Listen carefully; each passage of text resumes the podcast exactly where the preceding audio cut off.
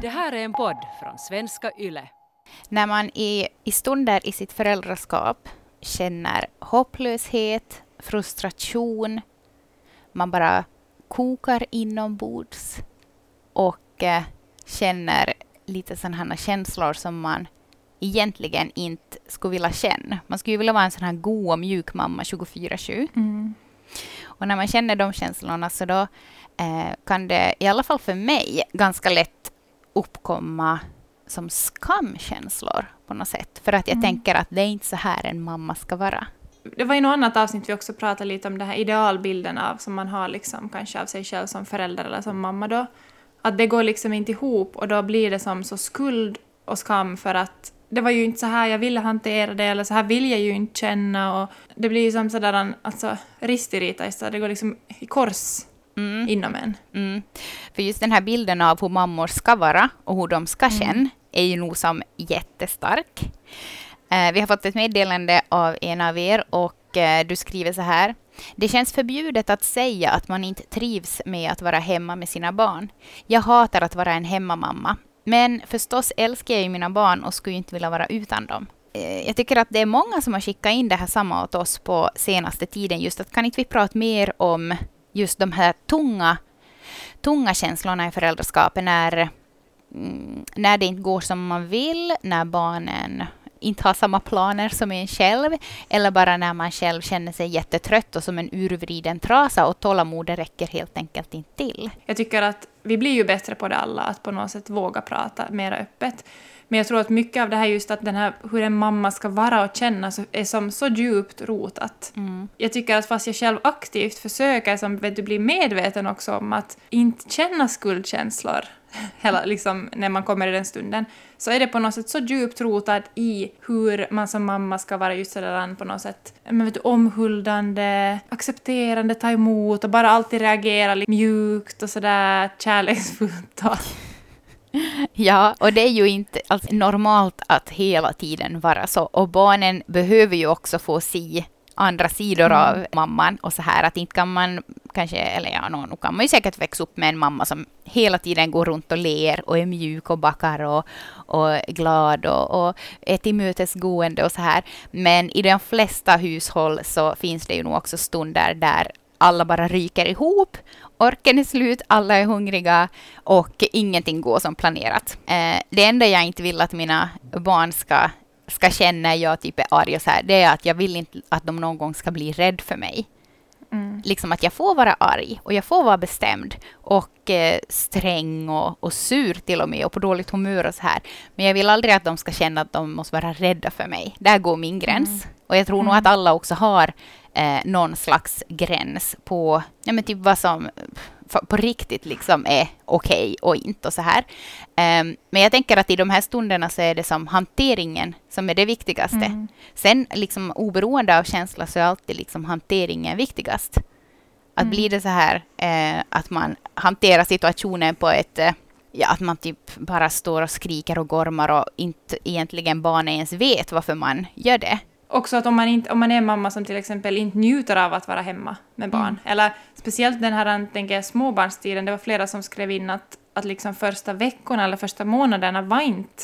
De njöt liksom, man njuter inte kanske av den. Men att på något sätt så känns det som att som mamma, ännu mer än som förälder, men liksom som mamma, så ska man liksom Mm. njuta. Och då blir det automatiskt som att, fast man logiskt vet att det behöver inte vara så för alla, och det är inte alls så för alla att man går omkring och njuter av första bebisbubblatiden. Men automatiskt om man har den där bilden liksom ändå i ryggmärgen så blir det ju som att, att man har på något sätt misslyckats och då är man inte tillräckligt bra typ. Och just det där med att man skulle måste njut- njuta så mycket de där tre första månaderna. Alltså nej, det kan vi nog bara sudda ut här och nu för att liksom man har hela föräldraskapet framför sig att njuta och sen då när man just har fött ett barn och amningen ska komma igång och anknytningen och allting. Alltså cut her some slack säger jag bara. Ja, och njut av de njutbara stunderna. Ja, precis. Men idag ska vi alltså prata om de här eh, tunga situationerna i föräldraskapet. När känner eh, känslor som man kanske inte hade räknat med, alltså inom situationstecken förbjudna känslor. Mm. Eh, samt triggers, vad vi har för triggers och vad ni har skickat in att ni blir riktigt irriterade och förbannade på och gör att ni tappar tålamodet. Och i slutet av avsnittet ska vi också ge fem strategier som kan vara bra att tänka på när man har de här situationerna när det känns jättesvårt att vara en förälder. Du lyssnar på Föräldrasnack. Det är Karro och Rebecka i dina lurar.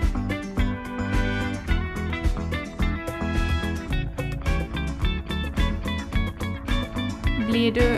Eller vad ska vi börja med? Jag säger bara. uh, när blir du triggade av dina barn? Eller vad triggar dig? Mm, det är främst när de bråkar med varandra och det aldrig tar mm. slut. Och då mm. leder det till att jag blir irriterad och de blir ännu mer irriterade på varandra och eh, de blir sen ledsna för att jag blir arg och sen är allihop bara på dåligt humör och det bara leder till skit. Mm. Det är nog kanske min största trigger. Mm. Och jag tycker det här var också gemensamt, precis det som du nu beskrev, för många som skickar in vad de triggas av. Men just det här att när barnen antingen bråkar eller när det är för mycket ljud och de inte lyssnar och när typ man har en egen plan och barnen har en någon helt annan plan.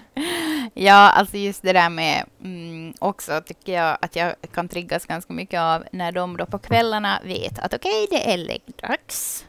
Men mm. det är ju som så himla mycket roligare att vara upp och springa omkring och då mitt i allt vara sams och lek jättebra. Mm. Eh, så att när man har sagt som jättemånga gånger snällt att vi ska borsta tänderna eller vi ska lägga pyjamas och de bara lever rövarlivet. Då, mm. är man, då känner man sig som en fin och god och mjuk mamma. Någonting annat som alltså jättemånga av er har skickat in att ni triggas av baby, babygråt. Bland annat en av er skriver så här. Jag triggas enormt av argt babygråt. Det ger en helt otrolig ilska åt mig. Jag vill sälja babyn bums. Alltså jag känner igen det där efter att vi hade Valle som skrek jättemycket första månaderna. Eh, och jag kan exakt förstå, speciellt de som har gått igenom just att barnen haft kolik till exempel, och man har... Det blir ju typ som ett trauma att ha ett barn som skriker och skriker och skriker. Så jag kan absolut förstå den triggern. Men vad, vad, vad, har, vad har väckts för känslor i dig när han skriker eller när han skrek? För, alltså frustration, så här maktlöshet mm. eh, och alltså först typ ilska mot mig själv. Att vad gör jag fel? Liksom att mm. kan jag inte tillgodose hans behov? Vet jag inte vad han behöver, eller typ har jag ätit fel, eller alltså någonting med min mat då, att han ska ha fått det till mjölken. Och sen om det går vidare liksom till att man är frustrerad och det här och det bara fortsätter, så kan det ju i stunden bli som att man skulle bli arg på barnet. Men i stunden så känns det ju som att, att hela en själ liksom bara vill vridas in och ut. Så det triggas liksom förbjudna känslor mm. sen, för att mm. man får ju inte vara arg på ett, en, en bebis.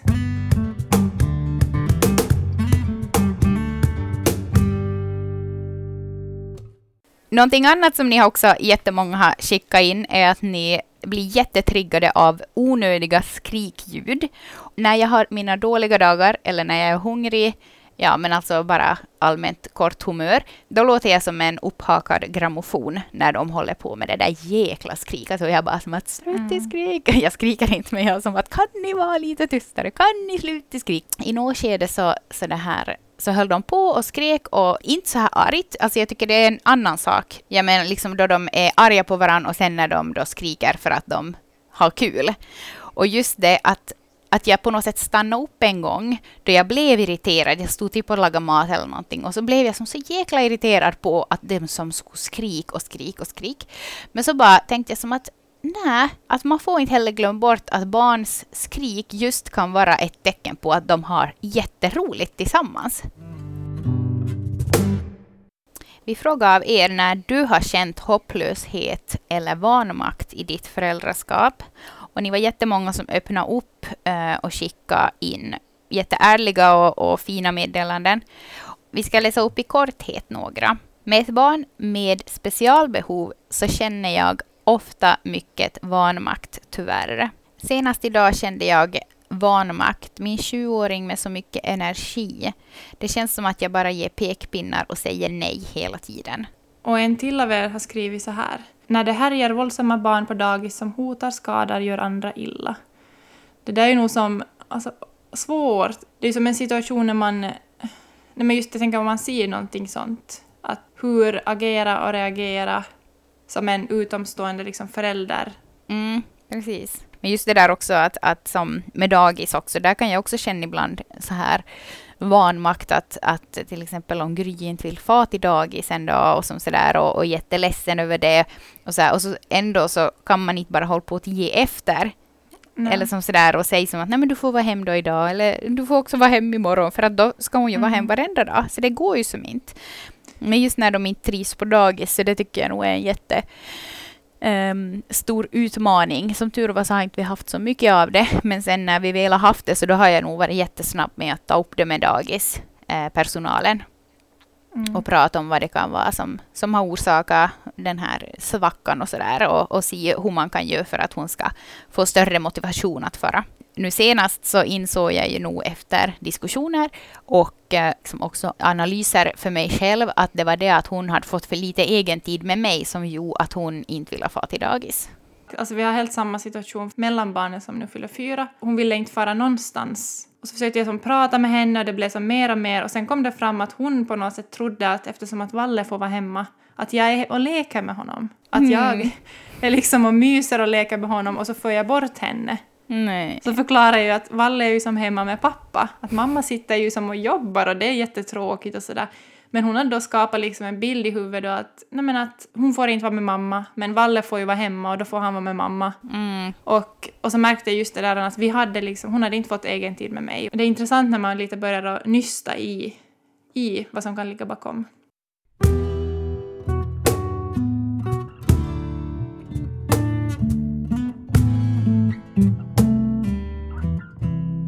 Ni var jättemånga som skrev att det känns som tabu att prata om att man är arg på sina egna barn. Mm. Borde man kanske prata mer om de här stunderna öppet? Det känns väldigt tabu att få spunk på sitt eget barn. Mm. Och det var lite det som jag sa redan där i början med när barnet skriker. Och det är ju kanske då mer än babys, men, men att, att det är så på något sätt det känns så fel och så no-no att man inte liksom får bli arg på speciellt en babys. Men, och då, alltså då, då är liksom skamkänslan för mig själv i alla fall far i höjden. Mm. Och det känns som att vem är jag? Att jag är ju som världens sämsta mamma som blir arg på mitt barn för att han skriker och han kan inte göra någonting åt att han skriker. Och det är ju liksom... Eh, det är klart att en baby kan ju som inte en baby kan ju inte veta någonting. Men sen när de just kommer upp i de här åldrarna 5, 6, 7, 8, 9 då börjar de ju nog ändå ha lite hum om mm. kanske vad som triggar mamma och vad som håller mamma lugn. Nej, men så, jag tycker att det ofta blir det här, liksom just när jag liksom känner att okej, okay, sakran och jag liksom mm, känner att nu snart I'm losing it. Att jag just alltid nog försöker först inte gå till anfall utan faktiskt som säg snällt och fint och, och som så här rationellt.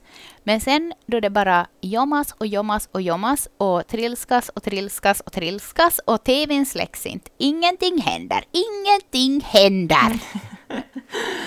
och man har sagt som snällt jättemånga gånger. Alltså nu mm. har nu fan barnen lite ansvar liksom över situationen då också. Inte står man, inte är det bara mammans fel då. Nej, plus att just som sådär när de kommer upp i en ålder som jag märker nu där vid de är fem, sex års ålder, så då har de verkligen koll på, alltså som men typ i matbordet, vad vi, hur vi sitter och har matro och hur vi kanske inte ska göra och vad mm. vi har mm. pratat om hundra gånger. Mm. Så. Men då alltid bara så här, jo, jo, men att barnen har nog också liksom en del i det här. Men sen ändå, likväl på mm. kvällen mm. så skyller jag ändå allting på mig själv. Liksom att jag borde ha mm. förberett dem bättre. Och liksom, jo, jag har sagt det hundra gånger, men kanske de var hungriga. Kanske jag inte hade uppmuntrat dem tillräckligt mycket idag. Det är som alltid så bara faller det ändå sen på mig själv.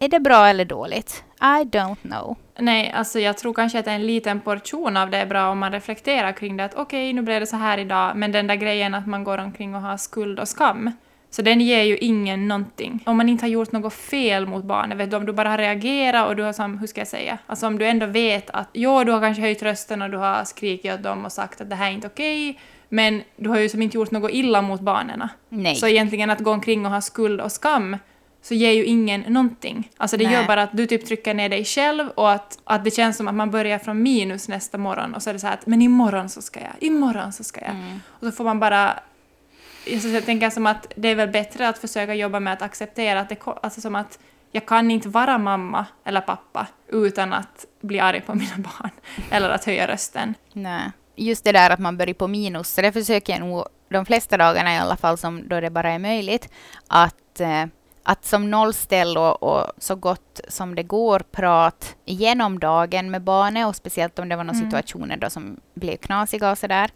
Men alltså vissa kvällar, alltså när det var typ någon, för någon kväll här sen, så hade det varit en jättetuff dag. Jag hade bara gett och gett och försökt medla. Jag hade kokat mat och försökt som hinna med allting och se alla barn och allt möjligt. Hade jag nattat alla barn och så satt jag mig ner i soffan och så, så ropade då ett av barnen på mig. Och jag bara sa åt Robert att nej, att jag har inte något mer att ge. Nej. Det är som helt slut på alla reserver. Man måste som också vara som ödmjuk mot sig själv och inse att det är okej okay sen. Mm. När orken är slut. Och då, då sa jag bara åt Robert att jag, jag, alltså jag, det, jag kan inte, det blir inte bra om jag far nu dit. Att du, du måste bara göra det. Eh, och barnet blev ju som helt förbannat, för han, hon hade ju inte ropat på pappa, hon hade ju ropat på mm. mamma. Men ändå att, att man i föräldraskapet också måste steppa in där man märker mm. att nu, nu är nu är Carros ork slut. Att då har jag och Robert också kommit överens om det, att om, om det är sådana situationer där en av oss tappar nerverna och, och liksom man märker att okej, okay, att, att okay, han orkar inte, att man då liksom låter den andra ta ett steg tillbaks, mm. så att åtminstone det alltid finns en förälder som är liksom mm. lugn och sansad. Att vi har kommit överens om det att den som hinner först får bli fittig. det är som ingen mm. tävling. Men men att en av oss måste alltid försöka vara den där nej men som hålls lugn i sådana situationer. Mm. Att det får inte bli det där att båda står och skriker. Speciellt så länge som jag har ammat barnen så känner jag oftast på kvällen om det har varit långa dagar att jag har som gett och gett och gett av mig själv och jag får ingen paus. Och som att kunna säga det och förklara att så här känns det för mig nu, att snälla kan du ta över nu, att nu, att nu vet jag att jag kommer inte att reagera som jag vill reagera mm, när, precis, när de ropar på precis. mig. Och att på något sätt också våga ta ansvar över det, att okej, okay, de kommer säkert börja skrika för att pappa går dit, men nu är det så. För det, ja. om jag går dit så skriker vi alla. Ja, men precis.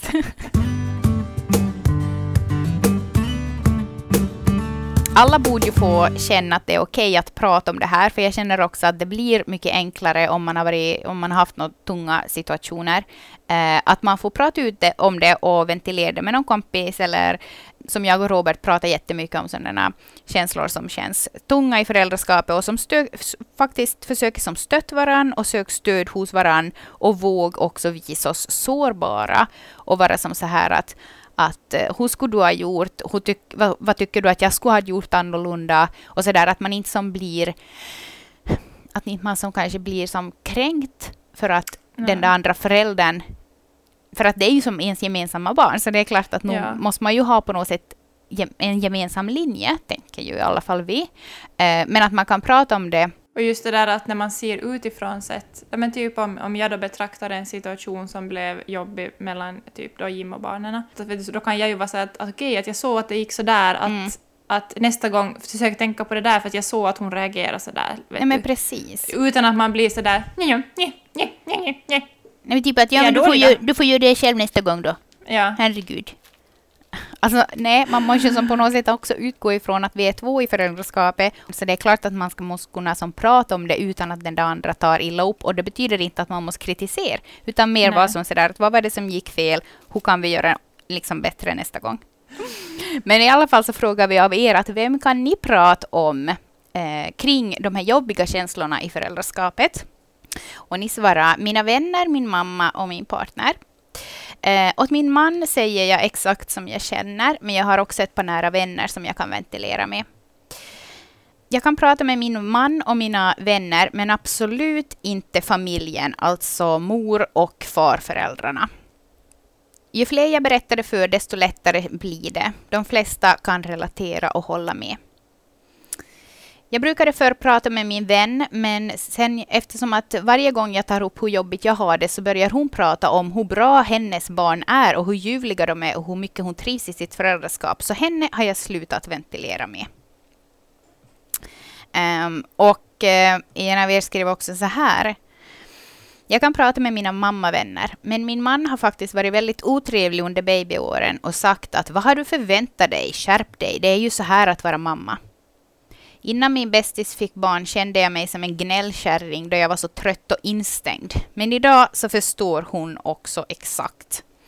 Och just det här med att bli förminskad, eh, precis som den här sista skrev om att hennes man sa sådana här förminskande saker, vilket ju inte är okej. Okay. Så frågar vi ju också det att, eh, att om ni någon gång har upplevt att någon har för, liksom förminskat din upplevelse mm. när man har öppnat upp och berättat och pratat om någonting som du har tyckt att har känts jobbigt i ditt föräldraskap. Har du upplevt det någon gång? Ja, jag har nog känt att jag har kunnat bli förminskad. Sen vet jag inte att jag är också ganska känslig, speciellt under första tiderna när vi har fått barn, alltså när första bebistiden, mm. så har jag varit ganska skör och mm. kunnat lätt känna mig som förminskad. Eh, eller typ när vi nu fick tredje barnet, när man får råd och tips som är så här att men hallå, det här är mitt tredje barn. Jag lägger inte honom och sova utan att han har fått mat. Mm. Att han är nog inte hungrig liksom. Och sånt har jag kunnat ta som förminskande. Men det är kanske också min, jag vet inte om det är för att jag är känslig, extra känslig. Men jag har nog upplevt flera gånger mig förminskad i mina mm. känslor. Mm. Det har jag kanske upplevt som att, att ibland skulle jag bara just behöva få säga och att någon lyssnar. Att jag mm. behöver som inte ha de där tipsen och råden som ofta lätt blir förminskande. Mm. Liksom. Mm. Så här säger ni i alla fall om eh, de gångerna som ni har blivit förminskade. När min pojke började dagis, då kände jag en väldig ångest. Men alla sa bara att det är normalt att barnen är lite ledsen i början. Och det där känner jag igen mig i också när Gry började i dagis och hon bara att det var helt liksom, hon grät jättemycket och så här och alla bara nej men det går om snart. Men det är inte det man vill höra då. Herregud. Man vill bara höra så här, ta hem henne igen att hon är redo. Ja. um, när man berättar om någonting och någon kommer med goda råd, det vet man ju nog själv. Och då kan det kännas tungt i stunden, för man vill bara ha förståelse. Precis som vi, mm. som vi sa just.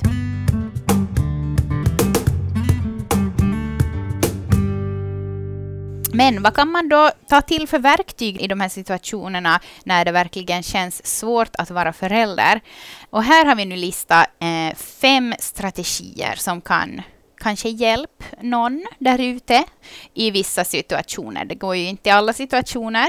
Det här kan vara lite så bra, bra verktyg att ha med mm. sig helt enkelt i bakfickan. Och den första är att stanna i känslan. Och jag tänker att bara den här grejen att, som du också sa nu, just att det går inte att applicera det på allt och alltid. Men det är kanske inte som är som målet heller, utan det är mer som att någon kunna stanna upp. Mm. Som här då, att förstå dig själv, att stanna i det du känner och lära dig förstå dig själv också. För jag menar, om du gör det, så då känns det ju också som kanske att man kan hantera en situation. Och då det, blir det också en positiv grej att det är lättare att göra det flera gånger mm. i framtiden. Precis. Och just då att, äh, att man tänker att vad är det som bidrar till den här känslan? Vad är det exakt som liksom gör att jag triggas av det här?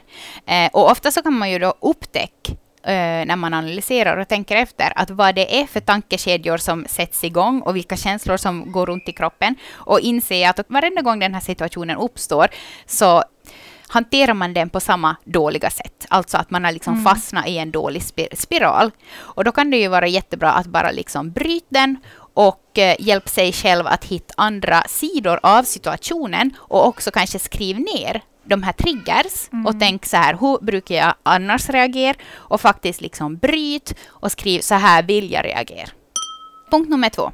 Eh, tänk på att ditt barn utvecklas hela tiden. Det är ju hoppingivande att tänka på att de utvecklas eh, och de, får, de blir klokare, de blir mer så här, de får mer förståelse också och eh, vad heter det nu då? Konsekvenstänk liksom att mycket av de sakerna som, som pågår just nu, så det kommer att växa bort och gå över när barnen blir större och lär sig nya saker. Och också det tycker jag att är en tröstande tanke det här med att vi lär ju också känna våra barn mer ju mer de utvecklas. Men Mm. att vara liksom öppen och lägg märke också till den här utvecklingen och följ med i det. Tre så är leta aktivt efter ljusglimtar. Mm, jag minns eh, här för någon månad sedan så hade jag och Robert ett, ett, det här, um, ett samtal kring, kring ett, ett problem som vi kände att vi båda känt liksom hopplöshet kring med ett av våra barn i bemötande mellan barnet och Mm. en av oss. Istället för att fokusera på det som vi tyckte var jobbigt med eh, barnets bemötande och eh, liksom allting som var jobbigt just då i den åldern med trots och eh, just eh, envishet, eh, vil, eh, stark vilja och så vidare, så vände vi på smeten och liksom sa så här till varandra att vad är det bästa med henne? Att Mm. vad, vad uppskattar du mest hos henne och vad, är du, vad gör dig som så extra stolt? Och, och, och så, så här att vi vänder på smeten och bara som fokuserar på det positiva med henne och inte haka upp oss på det där. Förstås sen att vi pratar igenom att hur ska vi, hur ska vi göra med just det här lilla problemet, men att vi börjar med att se det ur den stora helheten och verkligen söka efter de där ljusglimtarna. För att vi hade fastnat i en negativ spiral där det var Mm. som tjat och det, det var gråt och det var stark vilja och det var envishet och, du, du, du, du, du, du, och det liksom bara for djupare och djupare och djupare ner och till slut så bara var det som ett kaos av vanmakt. Och där är det ju jättebra att bryta den där spiralen just med som ni gjorde, att ni gjorde helt tvärt emot vad det hade skett i den här spiralen. Mm. Ja, och just också när man, när man befinner sig i de där situationerna där, där barnen är, att man själv är- man är irriterad på dem och liksom arg och allt möjligt, att eh, minnas det här med positiv förstärkning. Att inte bara, Mm. alltså som, ja det är klart att man måste säga till barnen också när de gör någonting som, ja det här med rätt och fel. Men att ändå, för varenda gång som man, ja. som man liksom säger till och tjatar så tänker jag att fem gånger mer positivitet, liksom fem gånger mer uppmuntran. Så att det inte blir bara det här tjat, tjat, tjat, tjat. Ja, jag har ofta kunnat tänka på det sättet, hur skulle vi känna det om någon skulle bara tjata på oss hela dagarna och vara Mm. sådär att gör inte sådär, nej gör inte sådär, var tyst nu, bla bla bla, kom hit och liksom man skulle ju bli helt som nedslagen. Mm. Så det är inte så konstigt om det blir kaos efter en sån dag. Nej, verkligen inte. Och eh, fjärde punkten, den har ju alla hört. Välj sina strider. Ja, men för att just som du också sa, just att du har pratat med Jim om det här att, att om någon tjatar på en hela tiden, att hur får det en att känna sig? Alltså man Mm. börjar ju känna sig helt misslyckad. I början tänkte vi så här att, att man måste väl ha någon linje liksom att vilka saker håller vi och vad håller vi inte. Eh, och jo, men jag, tänk, jag märker nog mer och mer att, att just det här med välja sina strider så går ganska mycket på känsla. Liksom att vissa, vissa dagar så kanske inte de striderna som man vanligtvis alltid typ tar. Men att man att också som vågar känna in stunden och sig själv och barnet. Att vara, alltså som att behöver vi hålla det här nu och behöver vi göra det här nu? Att inte sen vara sådär, nej men det är en principsak. Ja, men exakt. Ja, jag håller helt med om det.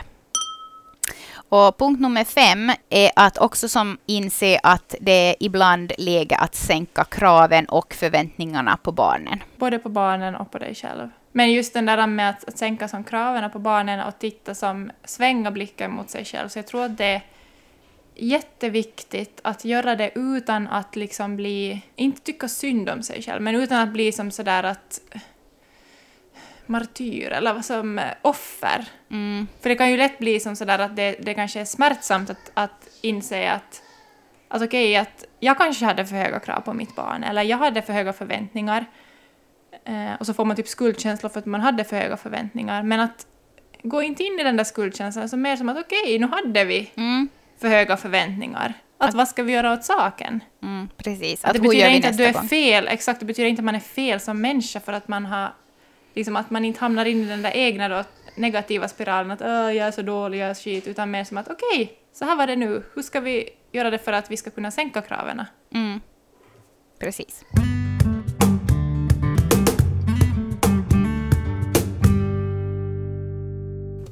Så, hur ska vi summera nu då? Alltså, jobbiga känslor kommer och går, men alla är bara mänskliga. Och vi har alla våra triggers som vi triggas mest av, så det är kanske sådär att fundera kring att vad triggas jag mest av och varför triggas jag typ av det? Det känns som att de här ämnena kring svåra känslor och svåra stunder så är viktiga. Att, som, att många av sakerna som ni skrev in så är nästan saker man skulle kunna göra enskilda avsnitt om. Mm, precis. För att det är så stora saker. Mm. Men det märktes också att jättemånga av er hade ett stort behov av att få ventilera Mm. och, och lyft på kastrulllocket. Så jag tycker att vi allihop ska bli bättre på att, att, eh, att uppmuntra varandra att prata om de här jobbiga, mörka stunderna i föräldraskapet och sen när någon vill göra det så kom ihåg att bara bekräfta. Mm. och inte kanske börja prata om hur bra du själv har det. det här. Ha det så bra. Ha det bra, hej då!